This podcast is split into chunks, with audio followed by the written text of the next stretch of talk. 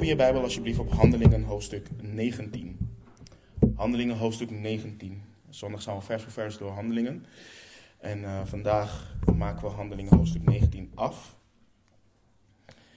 Uh, mocht je geen Bijbel bij je hebben, steek je hand op en we voorzien je van een leenbijbel. En uh, als je thuis geen Bijbel hebt, dan mag je die Bijbel van ons als, of als schrift van ons en van de Heer, mag je die houden.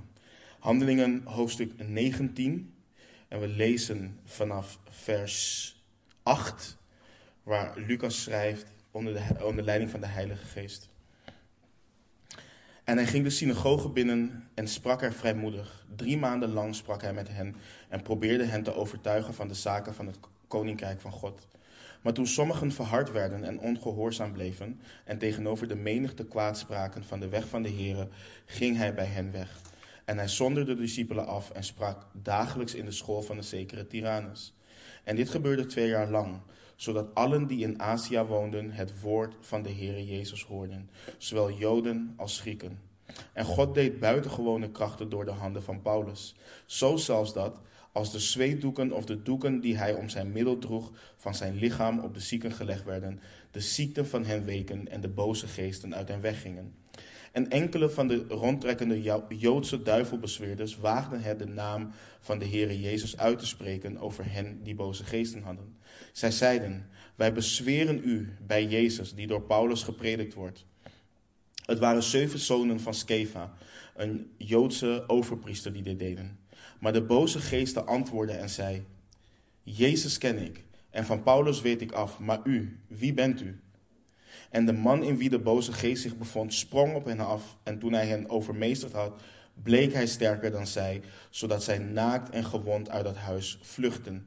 En dit werd bij allen bekend, zowel bij de Joden als bij de Grieken die in Efeze woonden. En vrees overviel hen allen, en de naam van de Heere Jezus werd groot gemaakt. En velen van hen die geloofden, kwamen hun zondige daden beleiden en bekennen. Velen ook van hen die toverkunsten uitgeoefend hadden, brachten hun boeken bijeen en verbrandden die in tegenwoordigheid van allen. En men berekende de waarde ervan en kwam uit op vijftigduizend zilverstukken. Zo nam het woord van de Heere met kracht toe en werd steeds sterker. En toen dit alles voorbij was, nam Paulus zich in de geest voor door Macedonië en Achaïe te gaan om naar Jeruzalem te reizen. Hij zei: Wanneer ik daar geweest ben, moet ik ook Rome zien. En nadat hij twee van hen die hem dienden naar Macedonië had gestuurd, namelijk Timotheus en Erastus, bleef hij zelf een lange tijd in Azië. Maar in die tijd ontstond er een niet geringe opschudding over de weg van de Heren. Want iemand, van wie de naam Demetrius was, een zilversmid die zilveren tempeltjes van Artemis maakte, verschafte aan zijn vakgenoten een niet gering inkomen. Hij riep hen bijeen met de arbeiders die zulke dingen maakten en zei: Mannen, u weet dat wij aan deze bezigheid onze welvaart ontlenen. En u ziet en hoort dat deze Paulus een grote menigte, niet alleen in Efeze, maar in bijna heel Azië overtuigd en afkerig gemaakt, gemaakt heeft van de goden door te zeggen dat de goden die met handen gemaakt worden geen goden zijn. En wij lopen niet alleen het gevaar dat onze beroep een slechte naam krijgt, maar ook dat de tempel van de grote godin Artemis als niets beschouwd zal worden en dat ook de grootheid dreigt te verdwijnen van haar, aan wie heel Azië en de wereld eer bewijst. Toen zij dan dit hoorden, werden zij vervuld van woede en schreeuwden: Groot is de Artemis van de Efeziërs. En heel de stad raakte in opschudding. Ze stormden eensgezind naar het theater, waarbij ze Gaius, Gaius en Aristarchus meesleurden, Macedoniërs, reisgenoten van Paulus. En toen Paulus zich onder het volk wilde begeven, lieten de discipelen het hem niet toe. En ook sommigen van de oversten van Azië, die met hem bevriend waren, stuurden iemand naar hem toe en riepen hem ertoe op zich niet naar het theater te begeven. De een nu riep dit en de ander wat anders, want de vergadering was verward en de meesten wisten niet waarom zij bijeengekomen waren. En men liet Alexander uit de menigte naar voren komen, omdat de Joden hem naar voren duwden. En nadat Alexander met zijn hand gewenkt had, wilde hij zich tegenover het volk verdedigen. Maar toen zij begrepen dat hij een Jood was, riepen zij allen met één stem, ongeveer twee uur lang: Groot is de Artemis van de, van de Efeziërs. En de stadssecretaris zei, nadat hij de menigte gekalmeerd had: Mannen van Efeze, Welk mens is er die niet weet dat de stad van de Efeziërs de tempelbewaarster is van de grote godin Artemis en van het beeld dat uit de hemel gevallen is? Omdat dit, niet, omdat dit alles niet tegen te spreken valt, is het noodzakelijk dat u kalm blijft en niets ondoordachts doet. Want u hebt deze mannen hier gebracht, die geen tempelrovers zijn en uw godin niet gelasterd hebben. Als dus Demetrius en zijn vakgenoten tegen iemand iets hebben, er worden rechtszittingen gehouden en er zijn stad, stadhouders. Laten zij dan een aanklacht tegen elkaar indienen. Maar als u over andere zaken iets verlangt, zal daar in een wettige vergadering over beslist worden. Want wij lopen gevaar van oproer beschuldigd te worden om wat er vandaag gebeurd is. Omdat er geen enkele reden is aan te voeren waarmee wij rekenschap kunnen afleggen van deze oploop. En nadat hij dit gezegd had, liet hij de vergadering uiteengaan. Nog een paar versen uit hoofdstuk 20. Um, nadat de opschudding bedaard was, ontbood Paulus de discipelen en na hem begroet te hebben, vertrok hij om naar Macedonië te reizen. En toen hij die delen van het land doorgetrokken was en, met, en hem met veel woorden bemoedigd had, kwam hij in Griekenland. En toen hij daar drie maanden doorgebracht had en de Joden een aanslag op hem wilden plegen, toen hij op het punt stond naar Syrië te varen, vatte hij het plan op terug te keren naar door Macedonië.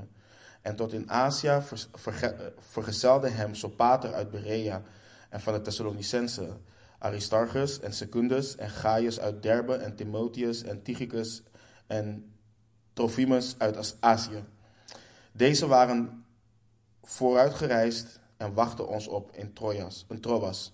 Wij echter vertrokken na de dagen van de ongezuurde broden per schip van Filippi en kwamen binnen vijf dagen bij hen in Troas aan, waar wij zeven dagen verbleven.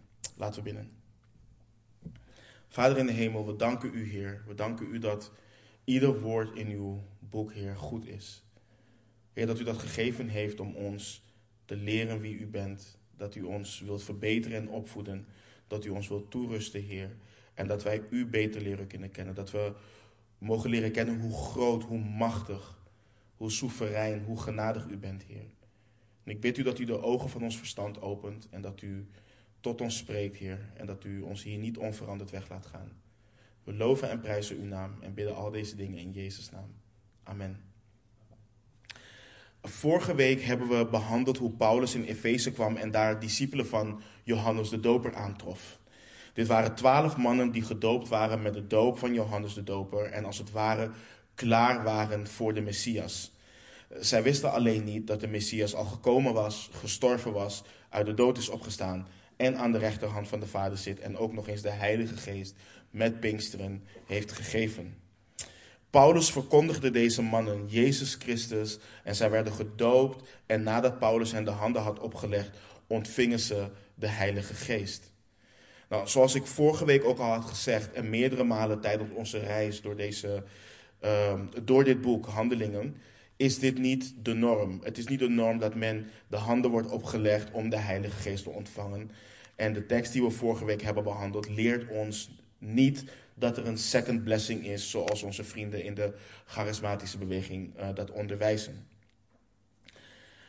In onze tekst van vanmorgen bevindt de apostel Paulus zich nog steeds in Efeze. Uh, sterker nog, hij gaat hier nog zo'n twee jaar uh, zijn, um, zijn en zijn bediening gaat heel vruchtbaar zijn.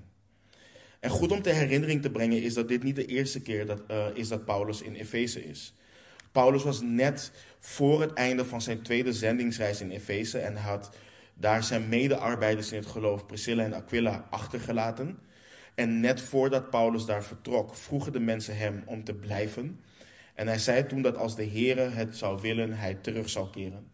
En dat is dus ook het geval, want daar is hij nu. Wat ik net al zei, zijn bediening gaat heel veel vrucht uitdragen. Maar voordat we daar dieper op ingaan, is het goed om in te zoomen op waar Paulus zich op dit moment bevindt. Um, in wat voor omgeving hij zich bevindt. En om te zien hoe God Paulus zo machtig in zo'n omgeving heeft gebruikt. De stad Efeze was een centrum voor, voor veel dingen. Um, en zoals veel heidense steden in de mediterrane wereld uh, van, de eerste, van de eerste eeuw, was Efeze een centrum van afgoderij maar dan ook echt een centrum van afgoderij. En dat, dat zien we ook terug in hoe Paulus het heel veel heeft over de dingen in de hemelse gewesten en de, de wapenrusting in Efeze 6 en noem maar op. En wat ook nog eens heerste, ehm, was tempelprostitutie um, in Efeze. De samenleving tolereerde niet alleen seksuele immoraliteit, maar ze onderschreven het vaak zelfs. Het werd gepromoot. Een ander ding wat ook heel veel heerste in Efeze was hebzucht. Er woonden veel rijke mensen uh, met grote huizen. Het was een commercieel centrum en daar profiteerden veel mensen van. Nou, het lijkt bijna op het Westen, het lijkt bijna op ons land. Dus behalve de tempelprostitutie dan. Um, maar zoals we al in de tekst lazen, was uh, Efeze de stad uh, van de, waar de tempel van de godin Artemis stond. En de tempel van Artemis in Efeze was een van de zeven wereldwonders in die tijd. En mensen kwamen uit het hele Romeinse Rijk om deze tempel te zien. En ik had het net al over seksuele immoraliteit. Nou, de jonge vrouwen die in deze tempel dienden, die droegen vaak hele korte rokjes, terwijl ze met een blote borst dienden. Dus dat, dat was gewoon heel normaal in, uh, in deze tempel. Dus nogmaals, seksuele immoraliteit heerste daar. En ik had het dus ook over afgoderij. Nou, tover, uh, tovenarij, toverij en hekserij waren hartstikke normaal in Efeze. Het kwade, dus de duisternis, was oververtegenwoordigd in Efeze. En je moet je voorstellen, dit is waar de apostel Paulus uh, moest arbeiden. Dit is waar hij ging dienen. Dit is waar de Heer hem wilde gebruiken. Paulus en de rest van de medearbeiders waren door God daarheen geleid om een licht te zijn in het pikzwarte Efeze. En onthoud dat dus ook wanneer we hier doorheen gaan. We lezen vanaf vers 8 dat Paulus, nadat hij bij de twaalf mannen is geweest, de synagoge inging. En dus Paulus hield zich aan uh, zijn gewoonte dat hij eerst naar de Joden ging en dan naar de heidenen. We lezen dat hij drie maanden lang vrijmoedig sprak in de synagoge en probeerde te overtuigen uh, van de zaken van het koninkrijk van God. Uh, Paulus ging hier te werk, net zoals ook in Thessalonica te werk ging, maar ook in Berea. En, en dus vanuit de schriften aantonen dat Jezus de Christus is. Ook al kreeg Paulus langer de tijd dan normaal, lezen we dat het patroon zich weer begon te herhalen. Uh, Paulus gaat de synagoge in. Sommigen komen tot geloof. Maar zoals we lezen, werden sommigen verhard en bleven zij ongehoorzaam. Maar we zien, en dat is een patroon wat je bij Paulus ziet, we zien ook, ook al um, ook dat ze kwaad begonnen te spreken tegenover de menigte van de weg van de Heer. En je ziet hier dus een patroon. Het maakte Paulus nooit uit wat men tegen hem zei, of wat men bij hem deed. Uh, maar zodra mensen de weg van de Heer begonnen te lasteren, dan was het klaar voor hem. Dan ging hij, dan ging hij weg. Vooropgesteld, dit is geen doctrine in de zin van wanneer mensen de Heer beginnen te lasteren, dan gaan we weg. Maar dit is wel wat we bij de apostel Paulus zien. Dus hij kon heel veel verdragen, maar zodra men um, uh, de weg van de Heer begon te lasteren, dan, dan was hij gewoon weg. En we zien dat Paulus vervolgens de discipelen afzonderde, dus zij die tot geloof zijn gekomen, en twee jaar lang in de school van een zekere Tyrannus tot hen sprak. Dat wil zeggen, hij onderwees hen. En we lezen dat hierdoor allen die in Azië woonden het woord van de Heere Jezus hoorden, zowel Joden als Grieken. Er zijn sommige oude manuscripten die leren dat Paulus dagelijks, met uitzondering van de Sabbat, van 11 uur, tot, van 11 uur ochtends tot 4 uur s middags onderwees. Uh, dat was de tijd waarin de meeste Efeziërs ook rusten, noemen ze siesta. Nou, als we deze manuscripten mogen vertrouwen, dan laat dit dus ons zien dat de meeste discipelen ervoor kozen om dagelijks hun siesta, dus hun rusttijd op te geven om onderwezen te worden door de apostel Paulus in de weg van de Heer. Nou, wat de tijd ook was, ze kozen er dagelijks voor om, om onderwezen te worden in de weg van de Heer. En dat laat toewijding zien, dat laat honger zien. Honger naar groei. Honger om te weten wat de Heer heeft overgeleverd en hoe dat moet worden toegepast in het leven. En ik denk aan de woorden van de apostel Petrus in 1 Petrus 2, vers 2, waarin hij aan de heilige schrijft. En verlang vurig als pasgeboren kinderen naar de zuivere melk van het woord, opdat u daardoor mag opgroeien. Of zoals Petrus ook in zijn tweede brief schreef, in 2 Petrus 3, vers 18. Maar groei in de genade en kennis van onze Heere en zaligmaker Jezus Christus. Hem zij de heerlijkheid, zowel nu als in de dag van de eeuwigheid. Amen. Er, was een enorme honger naar het woord van God. En weet je, ik, ik, ik kom soms beleidende christenen tegen die, die, die letterlijk zeggen: Ja, maar weet je, ik, ik hoef niet elke dag de Bijbel te lezen. dan, dan heb je er dus letterlijk niks van begrepen. Want deze versen leren ons dat we daarna moeten verlangen, dat we daarop vurig naar moeten verlangen, opdat we daardoor mogen opgroeien. Als je werkelijk door de Heer bent gegrepen, is dit een teken daarvan. Dat je Hem meer en meer en meer wilt leren kennen. Dat je jezelf beijvert om Zijn woord te leren kennen. Maar let ook op hoe dat vrucht draagt, wat eruit voortkomt. Allen die in Azië woonden, hoorden het woord van de Heere Jezus, zowel Joden als Grieken. Een belangrijke vraag is: van wie hoorden de mensen in Azië het woord van de Heer? Van de Heere? Azië was groot. Het is ook niet per se door Paulus alleen, want Paulus was iedere dag in die school aan het onderwijzen. Dus het was onmogelijk voor hem om iedere dag door heel Azië heen te gaan. Wat je hier ziet is dat zij die het woord onderwezen kregen, dat ook weer doorgaven. En dat is altijd het effect, of dat hoort altijd het effect van Gods woord te zijn. Dat zij die geraakt worden door het woord van God, dat ook weer doorgeven. Ze kunnen het niet nalaten wat ze gehoord hebben en wat ze gezien hebben, daarover te spreken, net zoals de apostelen eerder in handelingen ook zeiden. God deed machtig werk door zijn kerk heen en het, het droeg vrucht.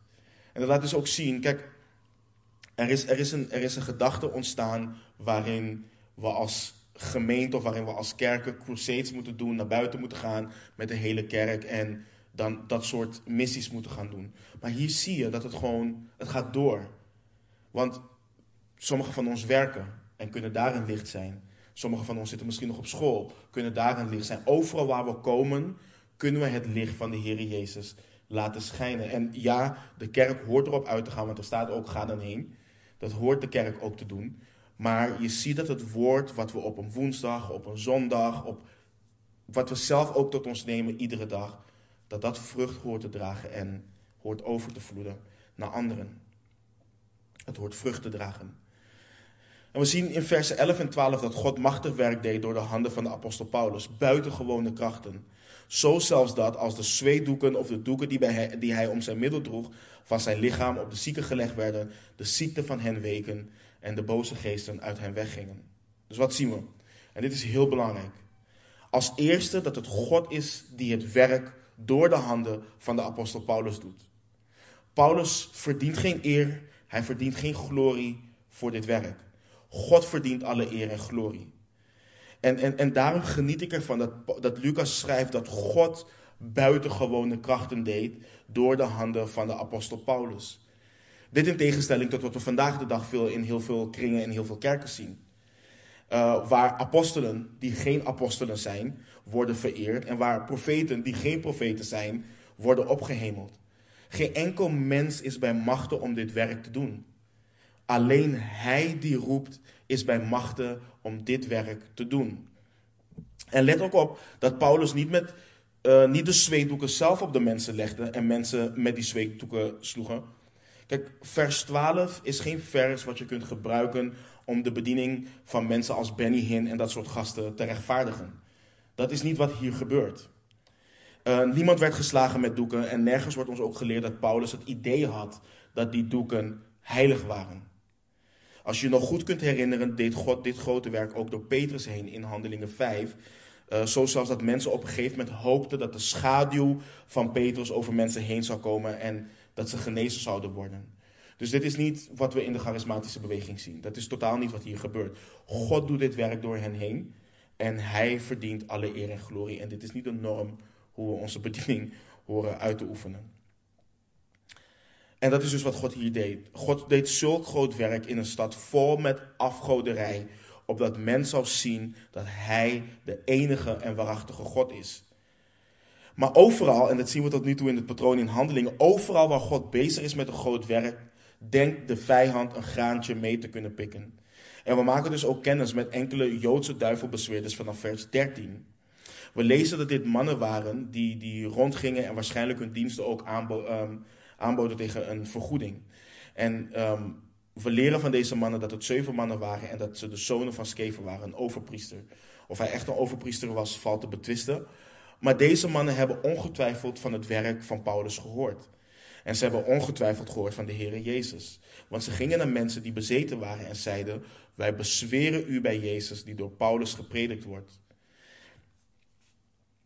Ik, ik, ik word blij van dit soort versen, want deze mensen kenden Paulus persoonlijk niet.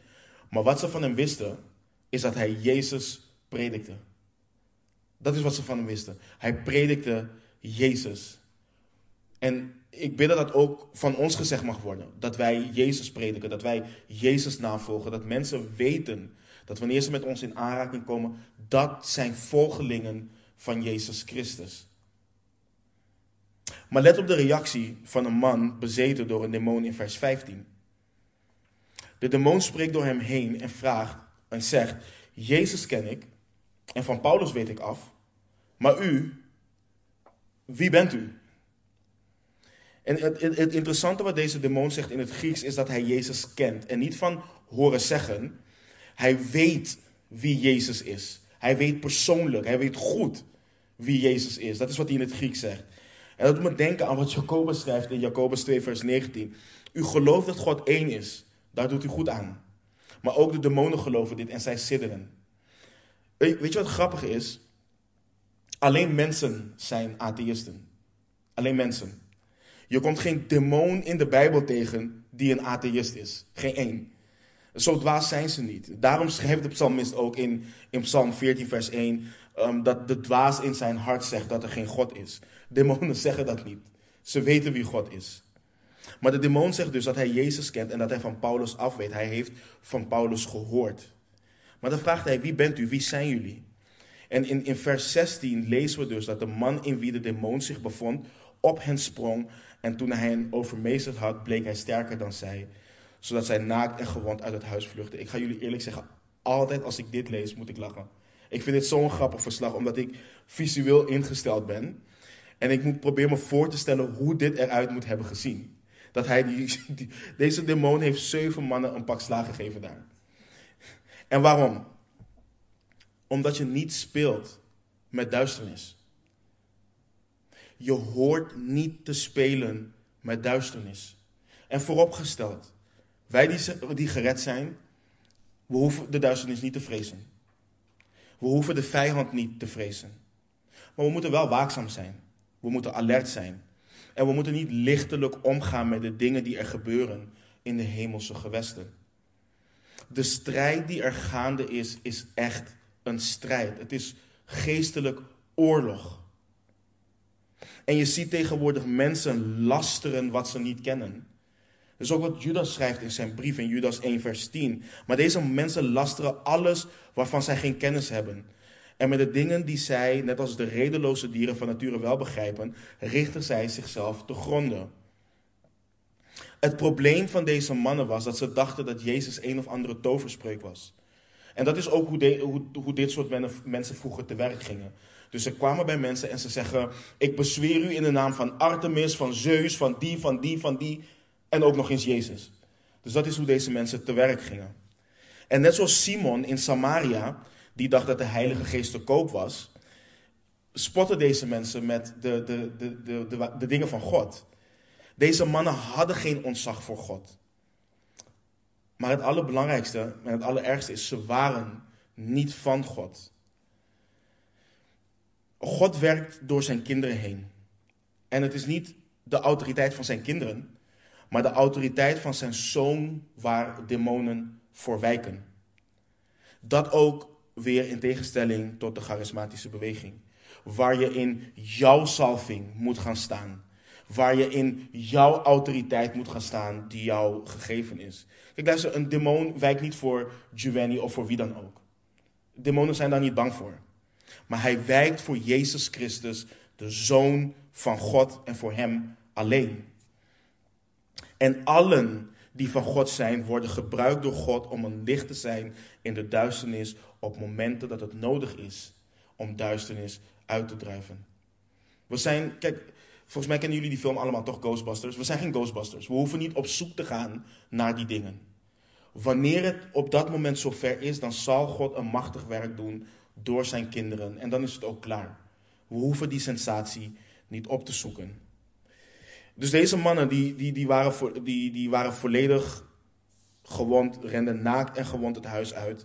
En het woord gewond is een interessant woord in het Grieks. Dat is ook het woord waar wij ons woord getraumatiseerd vandaan hebben. Deze mannen waren fysiek en waarschijnlijk geestelijk ook getraumatiseerd door deze ervaring. En let op het effect hiervan. En dat is ook altijd, en daarom begrijp ik die sensatie dus ook niet, wat er gebeurt in sommige kringen. Dit is altijd het effect van, wat, van, van een werk van God. Dit is, dit is vrucht ervan. Dus daar waar Paulus vrucht droeg, zag je uh, dat duisternis hier een slag verloren had. En in vers 7 lezen we dat dit bekend werd bij zowel Joden en Grieken die in Efeze woonden. En vrees overviel hen allen en de naam van de Heere Jezus werd groot gemaakt. Dit is het effect van wanneer God een wonder of een teken doet door iemand heen. Dit is het effect. Het is niet om sensatie of te laten zien van kijk, ik ben de grote apostel dit of de grote profeet dit. Nee, dat is niet hoe het werkt. Dit is het werk van de Almachtige God. En God doet het werk altijd ter eer en glorie van zijn eigen naam. Hij doet het werk opdat mensen zich zullen bekeren. Want wat zien we hier? Er kwam vrees over de mensen heen. Er kwam ontzag voor God over de mensen heen. En de naam van de Heer Jezus wordt groot, of werd groot gemaakt. God doet nooit iets om zomaar even te zeggen: kijk eens wat ik kan en wat jij niet kan. Het gaat veel dieper dan dat. Al het werk van God is om mensen te wijzen op wie Hij is. Om mensen te brengen naar de plek waar ze, waar ze horen te zijn. Een plek van ontzag en liefde voor de Almachtige God. Dit is ook wat God deed met de farao in Egypte. Dat is waarom hij de farao op die manier vernederde. Dit is ook wat we bijvoorbeeld lezen in Psalm 23. Alles omwille van zijn naam. En we zien dus dat wanneer dat gebeurt, men tot geloof komt en, en hun zondige daden komen beleiden en bekennen. En soms, um, ik weet niet meer precies hoe hij heet, maar is een bekende, in Nederland dan een soort van bekende evangelist die rondgaat en mensen geneest zogenaamd op de markten en wat dan ook. En dan, hé, hey, later hè? Nee, dat is niet wat. Hier zie je dat mensen tot ontzag komen voor God en dat ze hun zonde beleiden en zich bekeren. Dat is echt een reactie op het werk van God. Het is niet ik genees even je been en ik loop weg. Nee, we zijn hier bezig met het werk van God. En, in vers 19 lees je dan dat zij die toverkunsten hadden uitgeoefend, hun boeken bijeenbrachten en die um, in de tegenwoordigheid van allen verbranden. Kijk, deze mensen hadden ingezien. Er is niks en niemand groter dan de God van Israël. Er is niemand groter dan de Heere Jezus Christus. Dus ze hadden door dat hun afgoderij en die toverij nutteloos was. En dat lieten ze zien door al die, die boeken te verbranden. Het had geen bestaansrecht. Het had geen nut om die boeken nog te houden of die boeken weg te geven aan andere mensen. Nee, ze verbranden alles. En, en belangrijk is, kijk, ze verbranden de spullen niet omdat ze bang waren dat als ze de spullen zouden houden, dat ze nog lastig gevallen zouden worden door demonen of wat dan ook. Of nog bevrijd moesten worden van de banden uit het verleden. Nee, die boeken waren gewoon nutteloos. Het had niets te betekenen. Er zat geen kracht in die boeken behalve duistere machten. En waarom zou je die boeken houden als je nu in het licht bent en weet dat niemand te maken moet hebben met duistere machten? En dit is iets wat continu terugkomt bij gelovigen. Breken met afgoderij. Wanneer wij tot Christus komen, worden we nieuwe scheppingen. Al het oude is voorbij gegaan, zie, alles is nieuw geworden. We hoeven en horen ons niet meer, uh, meer te houden aan onze oude zondige gewoonten en zondige daden. Onze aangeleerde gewoonten. Vroeger, um, of bij ons op Curaçao volgens mij, ik weet niet of het in Suriname, maar op Curaçao in ieder geval, is de gewoonte dat je wanneer je na 12 uur s'nachts thuis komt, dat je dan achterstevoren naar binnen gaat en dat je dan een kruis doet en noem maar op, zodat je de boze geesten buiten houdt. Ik was niet gelovig, jullie weten, ik, was niet, uh, ik ben niet gelovig geboren of dan ook. En ik heb die dingen gewoon aangeleerd en ik dacht, ja weet je, ik doe het, want nu denk ik van, weet je, die demon die draait gewoon met je om en is eerder in je eigen huis. Maar dat is wat, kijk, die dingen zijn gewoon nutteloos. Het is gewoon helemaal nutteloos, die dingen doen gewoon helemaal niks. En um, we horen dus ook te breken met die, met, met die dingen. Weet je, op Curaçao is het ook normaal dat je met oud en nieuw je huis eh, zegent of weet ik veel, demonen verjaagt met rook en al dat soort. Die dingen hoeven niet. Het hoort ook niet, want het is gewoon afgoderij. Als we christenen zijn, als we volgelingen van Jezus zijn, dan breken we met alle afgoden. En Lucas geeft ons een belangrijk detail. Dat de waarde van de boeken uitkwam op zo'n 50.000 zilverstukken. Vandaag de dag zouden deze boeken dus miljoenen waard zijn als je het omrekent. Sommigen hebben uitgerekend dat, het, dat die boeken de waarde hadden van zo'n 137 jaar aan loon van een arbeider. Dus je moet je voorstellen, ze hebben deze boeken gewoon verbrand. Niet verkocht en vervolgens het, uh, het geld gebruikt voor het koninkrijk van God. Nee, gewoon verbrand, weggedaan. En het resultaat, in vers 20, zo nam het woord van de Heer met kracht toe en werd steeds sterker. Het woord van God bleef in kracht toenemen. Weet je, wanneer wij vandaag de dag ook uit ons midden zouden wegdoen, wat ons verhindert om het woord van God in kracht te laten toenemen, dan zouden we wellicht ook dit effect zien. En ik heb het niet over deze lokale gemeente, maar over het beleidende lichaam van Christus.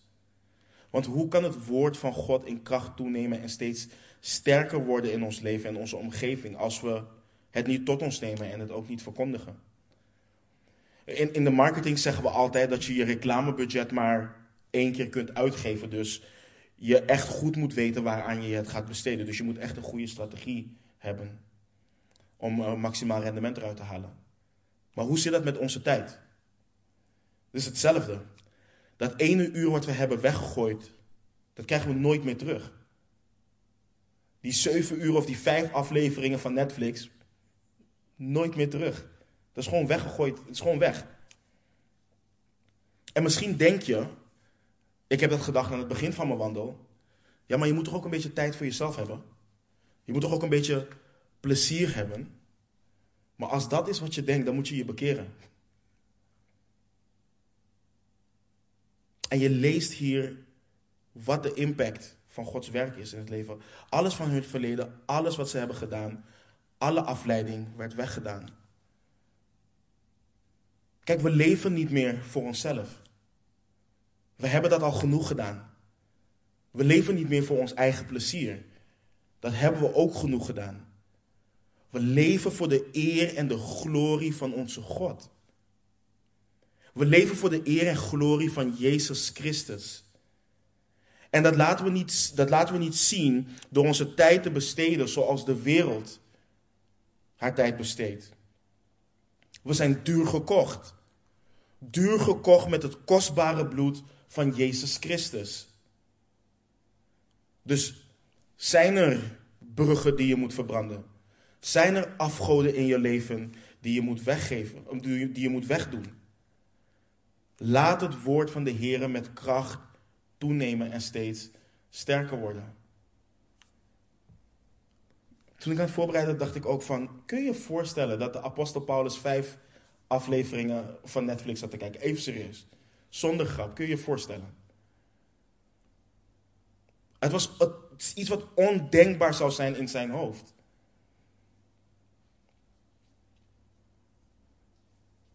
En toch, weet je, ik maak me ook schuldig aan mijn tijd weggeven. Mijn tijd weggooien. Maar we horen goede rentmeesters te zijn over de tijd die we hebben gekregen. Net zoals we goede rentmeesters horen te zijn over ons geld. En dan moeten we wel kritisch naar ons eigen leven kijken en de vraag stellen: kunnen we door blijven leven zoals de wereld leeft? Kunnen we ons laten entertainen door, waar, door de dingen waar de wereld zich door laat entertainen? En dan denken van, weet je, it's okay. En het is om niemand te verdoemen, om niemand de grond in te trappen. Maar het is wel om kritisch ons leven te toetsen en, en, en ons te vragen. Kijk, al de brieven die we zien van de apostel Paulus, al de brieven die we zien van de apostel Petrus, waarmee beginnen die? Paulus, een dienstknecht van Jezus Christus. In het Grieks staat een doulos. En omdat wij tegenwoordig met onze hele social justice, onze sociale rechtvaardigheid, kunnen we tegenwoordig niet meer praten over slavernij.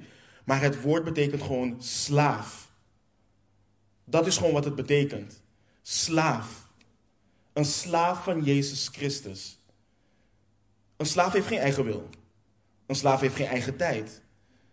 Een slaaf doet wat zijn meester hem opdraagt. Dat is wat de apostel Paulus is. En als wij onszelf dienstknechten van de Heer Jezus noemen, als wij onszelf een doelos van Jezus Christus noemen, komt dat overeen met wat we terugzien. Toen de Heer Jezus zei in Matthäus 28, ga heen en maak discipelen. Wat we lezen in handelingen is de interpretatie van de grote opdracht. Dat is wat we lezen in handelingen. De interpretatie van de apostelen en de discipelen, hoe ze heen gaan in discipelen maken. Kunnen we dat van onszelf zeggen? In vers 21 en 22 lezen we dat Paulus had voorgenomen om naar Macedonië te reizen.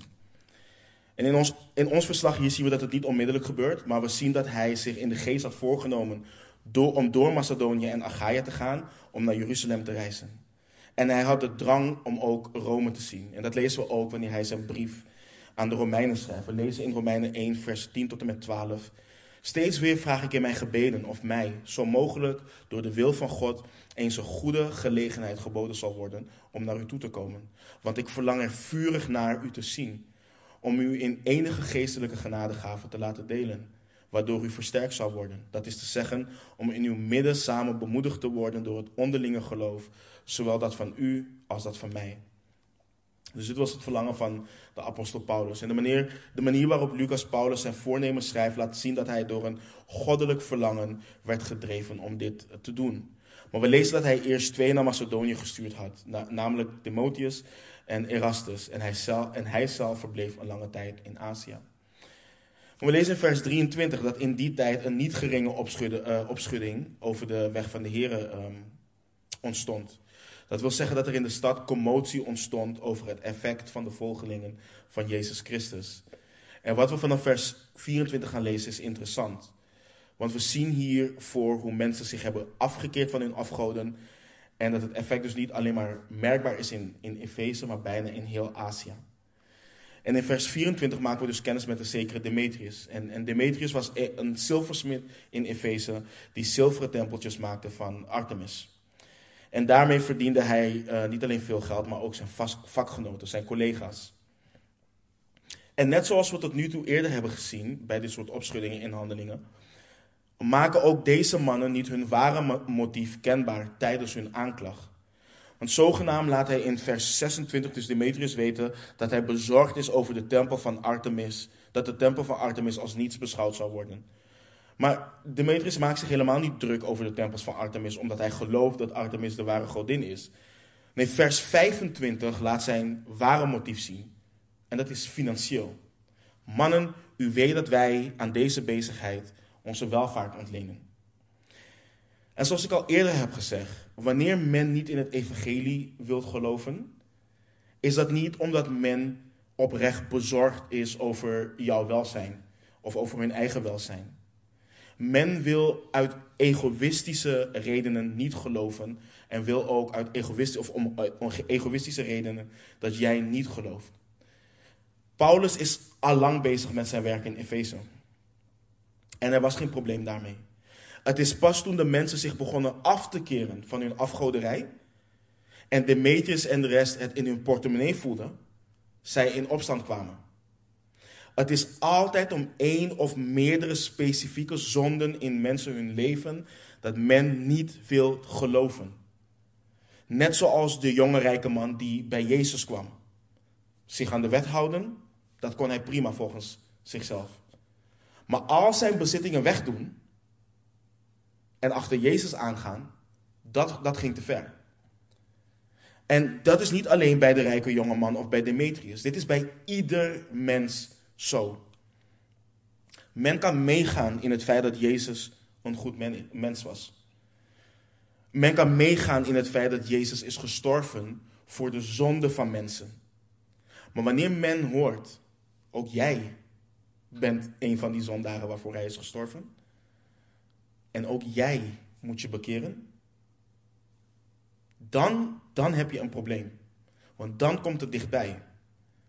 En daarom stel ik soms de vraag. En dan kom je ook bij de kern van de zonde, waar, waarom men zich niet uh, wil bekeren. Wat is, wat is nou het probleem met Jezus? Ik vraag mensen dat soms oprecht. Wat is het probleem met Jezus? Wat is het probleem met God? Is God te veroordelen omdat hij tegen je zegt dat je moet stoppen met liegen? Is hij te veroordelen omdat hij zegt dat je moet stoppen met stelen? Moet stoppen met lusten? Moet stoppen met het aanbidden van levenloze afgoden? Dat je niet moet scheiden, dat je niet moet doodslaan, dat je niet zult begeren wat van een ander is? Met welk van deze dingen heb je een probleem? Welk van deze dingen wil je niet loslaten? En dan zie je, en wanneer ik dat vraag, dan kijkt men me aan alsof ze letterlijk water zien branden. Want dan kom je tot de kern. Het probleem is altijd zonde. Het probleem is niet dat men het evangelie niet kan begrijpen. Men wil zich niet overgeven aan God. Dat is het probleem. Want ons evangelie, het evangelie van Jezus Christus is een eenvoudig evangelie. Je hoeft er geen rare tafereelen voor uit te halen. Het is geen ritueel. God laat zien wat er in het hart van, het mens, van de mens leeft. En hij zegt dat daarop een oordeel rust. En dan komt het dichtbij. En dat is ook wat Jezus zei. Wat zegt Jezus over, hierover? In Johannes 3, 19 en 20. En dit is het oordeel. Dat het licht in de wereld gekomen is. En de mensen hebben de duisternis lief gehad. Meer dan het licht. Want hun werken waren slecht. Want ieder die kwaad doet, haat het licht en komt niet tot het licht, opdat zijn werken niet ontmaskerd worden. Dus, en, en, en dit is ook heel belangrijk, ook wanneer we het evangelie delen. Ook bijvoorbeeld, kijk, ik, ik zei het vorige week ook al, hè. Mensen zijn dood in hun zonde en overtredingen, niet ziek, niet verdwaald. Mensen zijn dood in hun zonde en overtredingen. Dus ook die lieve buurvrouw, die oudere buurvrouw, ook zij. Ook die dat ene kleine kind of dat ene jongetje of die ene persoon die, waarmee je het goed kunt vinden. Als ze niet in Christus zijn, zijn zij ook dood in hun zonde en hun overtredingen. Eh, dus het maakt niet uit hoe aardig je iemand vindt. Iedereen's geestelijke staat is precies hetzelfde totdat ze tot Christus komen. En als we dat beseffen, dan verkondigen we het evangelie ook anders dan is het niet van, oh nee, misschien moet je Jezus proberen. Nee, je hebt Jezus nodig. Want zonder Hem ben je voor eeuwig verloren. Later in, in, in, in, in dit hoofdstuk staat er ook dat wanneer men niet tot, tot Christus komt, wanneer ze niet willen geloven in de Zoon van God, dat de toorn van God op hen blijft. Men is niet pas schuldig wanneer ze Jezus Christus hebben afgewezen tot aan hun dood. Christus is juist gekomen omdat mensen schuldig zijn. En men gaat dus eeuwig verloren omdat ze niets hebben gedaan met het genadeoffer van Jezus Christus. En bij, Demetrius was zijn zonde dus hebzucht. Hij wilde rijk blijven, want Demetrius heeft heel goed begrepen wat Paulus onderwees. Want hij zegt dat Paulus de mensen in bijna heel Azië afkerig heeft gemaakt van afgoden. Door te zeggen dat de goden die met handen worden gemaakt geen goden zijn. Dat is ook waar. En Paulus heeft dit niet verzonnen. De psalmist schrijft in Psalm 115 vanaf vers 4. Hun afgoden zijn van zilver, zijn zilver en goud, het werk van mensenhanden. Zij hebben een mond, maar spreken niet. Ze hebben ogen, maar zien niet. Ze hebben oren, maar horen niet. Ze hebben een neus, maar ruiken niet. Hun handen, die tasten niet. Hun voeten, die gaan niet. Er komt geen geluid uit hun keel. Wij dienen, wij dienen een levende God. De enige waarachtige God. En dit is wat Paulus verkondigde. En let op een belangrijke toepassing ook wat we hierin terugzien. Paulus, hij verzette zich niet tegen de tempel van Artemis. Hij is niet voor de tempel van Artemis gaan staan om te demonstreren om de tempel te sluiten.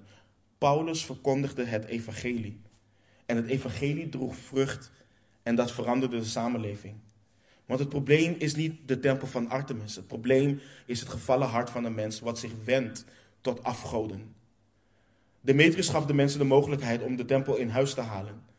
Dus als zou je die tempel weghalen, zouden de mensen in hun hart nog steeds afvallig zijn en afgoden dienen. En daarom is het belangrijk dat we het evangelie delen met mensen. Daarom moeten we mensen aan de hand van het evangelie laten zien hoe ze leven en wat ze geloven nutteloos is. Dat is hoe je een hele samenleving transformeert. Dat is hoe God een samenleving transformeert. Lelystad is een kleine stad en ik weet niet hoeveel casinos we hier hebben. Maar die casinos bijvoorbeeld sluiten, zou het probleem niet wegnemen. Want die mensen rijden dan gewoon naar Almere of gokken gewoon online. Nee, het evangelie, wat mensen transformeert, houdt mensen volledig weg bij het gokken. En hetzelfde met pornografie en welke andere zonde dan ook. Wanneer het evangelie landt in de harten van mensen, dan transformeert het het hart volledig. En wanneer dat hart is getransformeerd, zullen stromen van levend water uit zijn of haar binnenste vloeien en andere mensen raken. En, Demetrius heeft dit ervaren in de bediening van Paulus. Hij zegt ook dat hij weet dat men niet meer zal omkijken naar de tempel van Artemis in vers 27. Hij weet dat dit de hele economie zal beïnvloeden. En let op de reactie van zijn vakgenoten in vers 28. Toen zij dit hoorden, werden zij vervuld van woede en schreeuwden: Groot is de Artemis van Efeze. En dit is de reactie wanneer men wil blijven vasthouden aan de leugen. Men wordt vervuld met woede. Deze mannen dachten niet aan wat Paulus zei over levenloze afgoden. Want het kon hun niks schelen. Nee, als er wat met Artemis zou gebeuren, zou dat hun portemonnee raken. Want hebzucht heerste in hun hart. Maar je ziet dat hun vleeselijke reactie dus effect heeft op de stad. Want we lezen vanaf vers 29 dat heel de stad in opschudding kwam. En dat ze dat eensgezind deden. Dus als één man kwamen ze in, op, uh, in, in opschudding, in opstanding en stormden ze naar het theater. En het theater waar Lucas over schrijft was een, een bekende theater, een gigantisch theater. Wat zo'n 50.000 mensen kon houden. En terwijl ze eensgezind naar het theater stormden, sleepten ze Gaius en Aristarchus met zich mee. En het waren uh, reisgenoten van Paulus uit Macedonië. En we lezen dat Paulus zich onder het volk wilde begeven in vers 30. En dat hij door de discipelen op een gegeven moment werd tegengehouden. En ook door de stadhouders. En ik, ik, ik geloof persoonlijk dat Paulus dit moment wilde aangrijpen, aangrijpen om inderdaad te getuigen van de superioriteit van Jezus Christus. Ten opzichte van hun levenloze afgoden. Maar het feit dat hij zich liet tegenhouden laat zien dat hij zelf inzag dat het niet verstandig was om daar naartoe te gaan. En in vers 32 zien we wat voor wanorde er heerst. Want Lucas schrijft dat de een iets riep en de ander riep ook weer wat. En mensen wisten niet eens waarom ze samen waren gekomen. En daarom is het verstandig om je, je niet zomaar met een of andere zaak of demonstratie in te laten. Mensen roepen altijd zomaar wat, wat dingen. Je ziet het ook. Je ziet het vooral nu in, in, in Amerika gebeuren, wat nu ook steeds meer deze kant opwaait. Is dat, dat dit hele sociale rechtvaardigheid gebeuren. Wat in Amerika begon met de Black Lives Matter movement. En waar kerken dat zijn gaan onderschrijven, wat volledig onbijbels is. En dat zie je steeds meer deze kant opkomen. En, en, en, en mensen roepen dingen, ze weten niet waar het over gaat. En laten zich daarmee in. En dat is dus ook hetzelfde. Wij, wij als kerk, wij staan voor één ding. En dat is het evangelie van Jezus Christus. Dat is het enige wat rechtvaardigheid kan brengen. Wat ware rechtvaardigheid kan brengen. En hier zie je dat mensen in wanorde als makkenschapen achter elkaar aangaan en schreeuwen zonder te weten waar die dingen over gaan. En in versen 33 en 34 zie je dat de Joodse gemeenschap een poging doet om Alexander namens hun te laten spreken.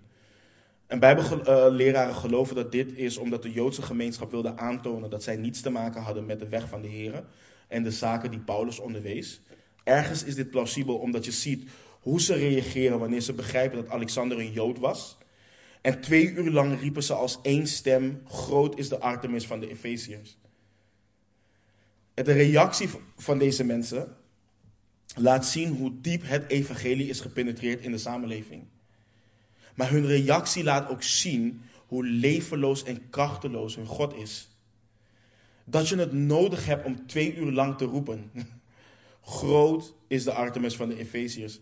In, in elke religie, in elke andere religie zie je hoe aanbidders vechten om te proberen, om te proberen de kracht en relevantie, van hun God aan te tonen. In elke religie. Alleen in het christendom zie je hoe God zijn kracht laat zien door het leven van zijn aanbidders volledig te transformeren voor zijn eer en glorie. Dit is, dit is onder andere hoe hij laat zien dat hij een levende God is. God heeft het niet nodig dat wij twee uur ergens gaan staan en namens hem gaan schreeuwen. God gebruikt ons om woorden van eeuwig leven te spreken en geeft mensen daardoor nieuw leven, omdat hij de enige levende God is. En vanaf vers 35 zien we dus hoe een stadssecretaris ingrijpt en dat hij, voor, dat hij het voor elkaar krijgt om de menigte te kalmeren. En, en daar waarschuwt hij Demetrius en de rest. Hij begint eerst aan, door aan te kondigen dat iedereen weet hoe groot de godin is en dat iedereen weet dat Efeze de tempelbewaarster is van Artemis. Hij zegt dus eigenlijk hiermee dat de reactie van Demetrius en de rest overdreven is. Deze man was alleen iets te optimistisch, want het evangelie zou nog dieper um, gegrond, of, uh, wortelen in de stad Efeze. Maar vervolgens maakte hij, maakte hij vanaf vers 37 het punt dat de opschudding geen gegronde reden had, omdat Paulus en de rest niets hadden gedaan om de tempel en de godin te lasteren. En ook al was dat waar, had de stadssecretaris het mis, want Demetrius zijn zorg was niet voor wat ze nu deden, maar wat het resultaat hiervan zou zijn in de toekomst. Demetrius zijn punt was dat als het evangelie zou blijven verspreiden, dat dit een probleem zou zijn voor de tempel van Artemis en daarmee een probleem voor Efeze. Maar de stadssecretaris gaat verder en zegt dat als Demetrius en zijn vakgenoten toch een punt hebben en een geschil willen oplossen, ze dit via officiële wegen moeten doen. Ze moeten dit doen volgens de wet, um, um, want, want zegt hij in vers 40, wij lopen gevaar van oproer beschuldigd te worden om wat er vandaag gebeurd is omdat er geen enkele reden is aan te voeren waarmee wij rekenschap kunnen opleggen voor deze oploop. En nadat hij dit gezegd had, liet hij de vergadering uiteengaan. En wat de stadssecretaris bedoelt is het volgende. Kijk, Rome was geen fan van opschuddingen. En zij sloegen opschuddingen hardhandig neer. En zeker wanneer het dus geen gegronde reden had. Want een opschudding zonder reden zou de relatie tussen een stad en Rome volledig kunnen veranderen. En dat dus niet ten goede. En dat is ook waar de stadssecretaris op wijst. En vanaf vers, en, en versen 1 tot en met 6 in het volgende hoofdstuk lezen we dus dat na zo'n gevaarlijke gebeurtenis, en je denkt, hè, na zo'n gevaarlijke gebeurtenis had je verwacht dat Paulus op een gegeven moment het wat rustiger aan zou gaan doen. Maar ondanks dat alles sprak Paulus tot de discipelen, nam afscheid van hen en ging naar Macedonië. En we lezen dat hij aankwam in Griekenland, maar toen hij daar drie maanden was en erachter kwam dat de Joden een aanslag op hem wilden plegen, um, toen hij op het punt terug te gaan naar Syrië, dus de kerk in Antiochië, keerde hij dus terug door Macedonië. En we lezen daar hoe enkelen hem vergezelden. Sopater uit Berea en van de Thessalonicenten uh, Aristarchus en Secundus en Gaius uit Derbe en Timotheus, Tychicus en Trophimus uit Azië. Het prachtige is, je ziet altijd dat mensen dus met... Paulus nam altijd mensen um, met zich mee. We hebben al bij enkele belangrijke toepassingen en observaties stilgestaan, maar ik wil toch een samenvatting geven en ons bemoedigen in enkele zaken. Want ondanks het feit dat alles wat er in Efeze gebeurde fysiek zichtbaar was, um, fysiek zichtbaar was, was dit alles geestelijke strijd. En dat is iets wat we moeten beseffen. Alles wat er met uh, de zonen van Skeva gebeurde en de mensen die genezen werden, uh, op, door God op bovennatuurlijke wijze, en de opschudding geleid door um, Demetrius, ook al gebeurde dat allemaal fysiek, het was allemaal geestelijke strijd. Dit was allemaal geestelijke strijd. Paulus schrijft ook in Efeze 6, vanaf vers 11. En dit zijn versen die we allemaal kennen. Bekleed u met de hele wapenrusting van God, opdat u stand kunt houden tegen de listige verleidingen van de duivel. Want wij hebben de strijd niet tegen vlees en bloed, maar tegen de overheden, tegen de machten, tegen de wereldbeheersers van de duisternis van dit tijdperk, tegen de geestelijke machten van het kwaad in de hemelse gewesten. En deze strijd, deze strijd wordt steeds heftiger hoe meer we voor Gods koninkrijk gaan doen. Hoe meer we in gehoorzaamheid bezig zijn met de grote opdracht, dus dat is discipelen maken van de Heer Jezus Christus, hoe meer geestelijke strijd we zullen ervaren. En dit verslag en heel handelingen herinnert, herinnert ons hieraan. Dit verslag herinnert ons eraan dat er een strijd gaande is tussen licht en duisternis. En ook al heeft de duisternis het licht niet gegrepen, er is strijd. Ook al heeft Jezus overwonnen, er is strijd. Maar wat belangrijk is om te weten, ook al is die strijd geestelijk, het uit zich wel fysiek. Want waarom? Paulus schrijft dat in het tweede hoofdstuk van Efeze. Hij schrijft vanaf vers 1. Ook u heeft hij met hem levend gemaakt, u die dood was door de overtredingen en de zonden, waar u nu voorheen gewandeld hebt. En, en let op, overeenkomstig de leefwijze van deze wereld, overeenkomstig de wil van de aanvoerder van de macht in de lucht, van de geest die nu werkzaam is in de kinderen van de ongehoorzaamheid, onder wie ook wij allen voorheen verkeerden, in de begeerte van ons vlees, door de wil van het vlees en de gedachten te doen. En wij waren van nature kinderen des toorns, evenals de anderen. Mensen in hun gevallen natuur leven overeenkomstig de leefwijze van deze wereld.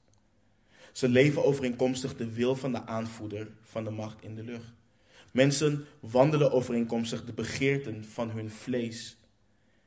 En dat is waar de Satan gebruik van maakt. En ik zei het vorige week ook al, maar soms lijken we niet te beseffen wat voor strijd er gaande is.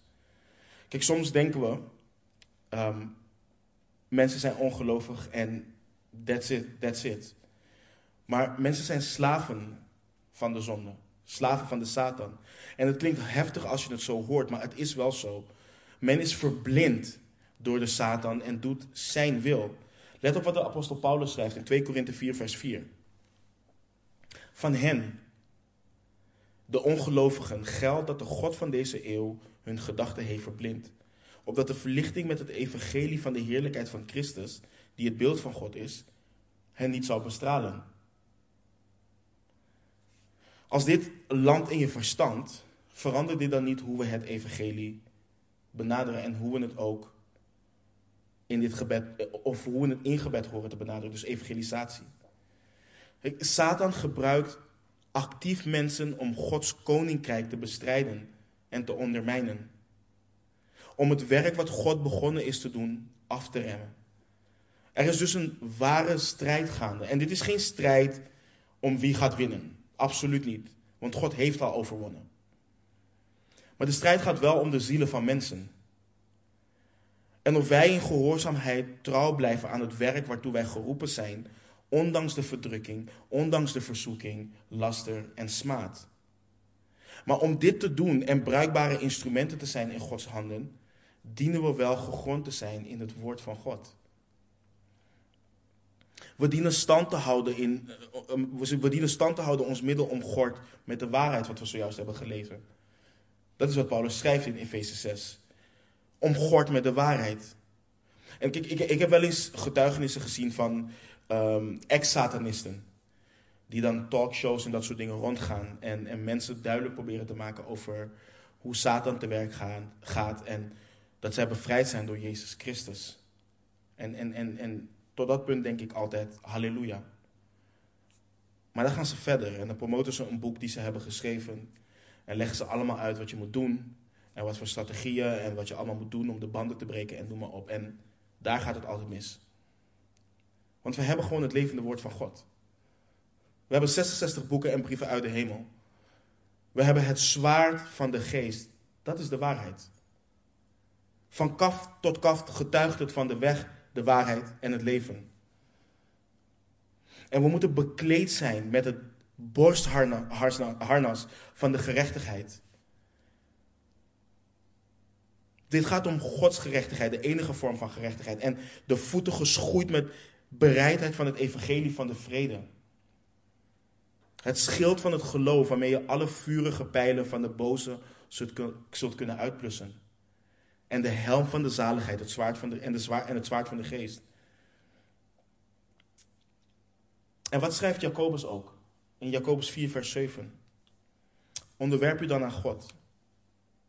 Bied weerstand aan de duivel en hij zal van u wegvluchten. Kijk, we kunnen alleen blijven staan. En, en, en je ziet het bij Paulus ook. Kijk, we kunnen alleen blijven staan. Te midden van al deze geestelijke strijd. Wanneer we ons onderwerpen aan God. En dat is bijvoorbeeld iets wat de zonen van Skeva weigerden te doen. Ze wilden God gebruiken. Ze wilden gebruik maken van zijn kracht en macht. Maar ze wilden zich niet onderwerpen aan hem. Hoe vaak heb je, wel, heb, heb je wel niet van die verhalen gehoord van mensen die bijvoorbeeld lastig gevallen worden door demonen of zelfs bezeten zijn. En dan naar een kerk willen gaan voor bevrijding. Maar ze willen zich niet onderwerpen aan God. Ze willen daarvan verlost worden, maar ze willen Jezus niet navolgen. Hoe vaak hoor je van die mensen, of, hoor je van die verhalen van mensen die ziek zijn en willen dat God ze geneest, maar ze, zich willen niet, maar ze willen niet, zich niet onderwerpen aan de God die geneest. Of wanneer er bijvoorbeeld moeilijkheden zijn in je huwelijk, dan wil je dat God het fixt. Maar je wilt je niet onderwerpen aan God. En God is geen pleister. God is geen geest die onze wensen vervult. Dit is de levende God. De schepper van hemel en aarde. En wat hij wil doen, is de zielen van mensen verlossen van de dood. Dat is wat hij wil doen. Hij wil mensen levend maken met de Heer Jezus Christus. Maar wat voor ons belangrijk is, wij die volgelingen zijn van Jezus Christus, is om te beseffen dat Hij daarbij mensen gebruikt om het evangelie van Jezus Christus kenbaar te maken. En dus moeten we kijken naar, zijn we actief bezig met het werk van Gods koninkrijk? Zijn we daar actief mee bezig of laten we ons afleiden? Want dat is ook wat de vijand wil doen. De vijand wil verlammen, hij wil afleiden. Hij wil je dingen voorschotelen die je vlees behagen. Maar we weten dat het vlees een strijd voert tegen de dingen van de geest. En het is, je moet je beseffen, het is, ik, ik hoorde ooit die analogie, jullie weten dat ik niet van analogie ben, maar het is alsof je, alsof je twee bulldogs hebt. En je kan er maar één tegelijk voeren. Wanneer je, wanneer je eentje voert, dan sterft die andere uit. Die wordt mager en dan gaat hij dood. Dus de vraag is, wat voeden we? Voeden we ons geestelijk? Of voeden we onszelf vleeselijk? En, en het, het heeft dan niet te maken met, oké, ik doe alle boeken weg. Ik doe alles weg. Ik doe mijn Netflix weg. Ik doe, alles, ik doe al die dingen weg. En ik voed me ook niet met het woord van God. Want dan, dan verhongert je geest ook nog steeds. Je moet jezelf actief voeden met het woord van God. Het levende woord van God. Alleen op die manier kunnen we geestelijk groeien en kunnen we blijven staan in deze goddeloze wereld. Ik kan jullie niet zeggen wat er allemaal gebeurt. En, en we, we beseffen niet, kijk, en, en soms zien we dingen om ons heen gebeuren en denken we, ja, ja, de goddeloosheid neemt toe. De afgelopen tijd, als ik zie wat er gebeurt, er is nu een, een, een, een, een programma gaande, een seksueel programma vanaf 13 jaar. Op het NPO. Op schooltv. Schooltv. Dus tv voor onze kinderen. En we kunnen petities starten wat we willen. Maar als deze mensen het levende evangelie, als ze het evangelie van Gods koninkrijk niet horen, dan zal het alleen maar blijven doorgaan. En wat de vijand actief nu aan het doen is, is van ja, ja, we leven in het Westen en dit is gewoon normaal. En we leven dan in een verslagen christendom. Waarin we op woensdag samenkomen, op zondag samenkomen en denken dat het oké is. Maar waar de seksuele immoraliteit blijft groeien in deze wereld. En we zien hier dat Paulus één ding deed. Het evangelie van Jezus Christus delen. Dat is wat hij deed. En we moeten onszelf dan kritisch de vraag stellen. Wat doen wij? Laten we bidden. Hemelse Vader.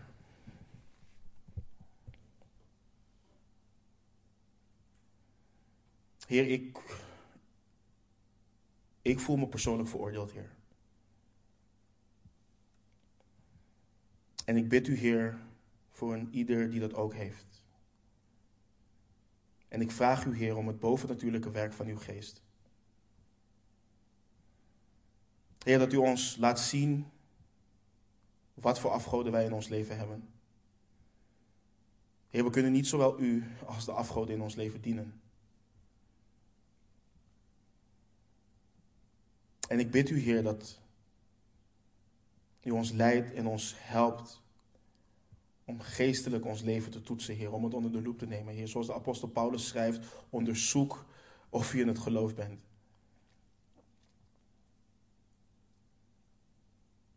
Heer, gebruik ons alstublieft als instrumenten in uw handen. Neem de luiheid, de angst, de verslagenheid, al die dingen, Heer. Neem die dingen weg, Heer.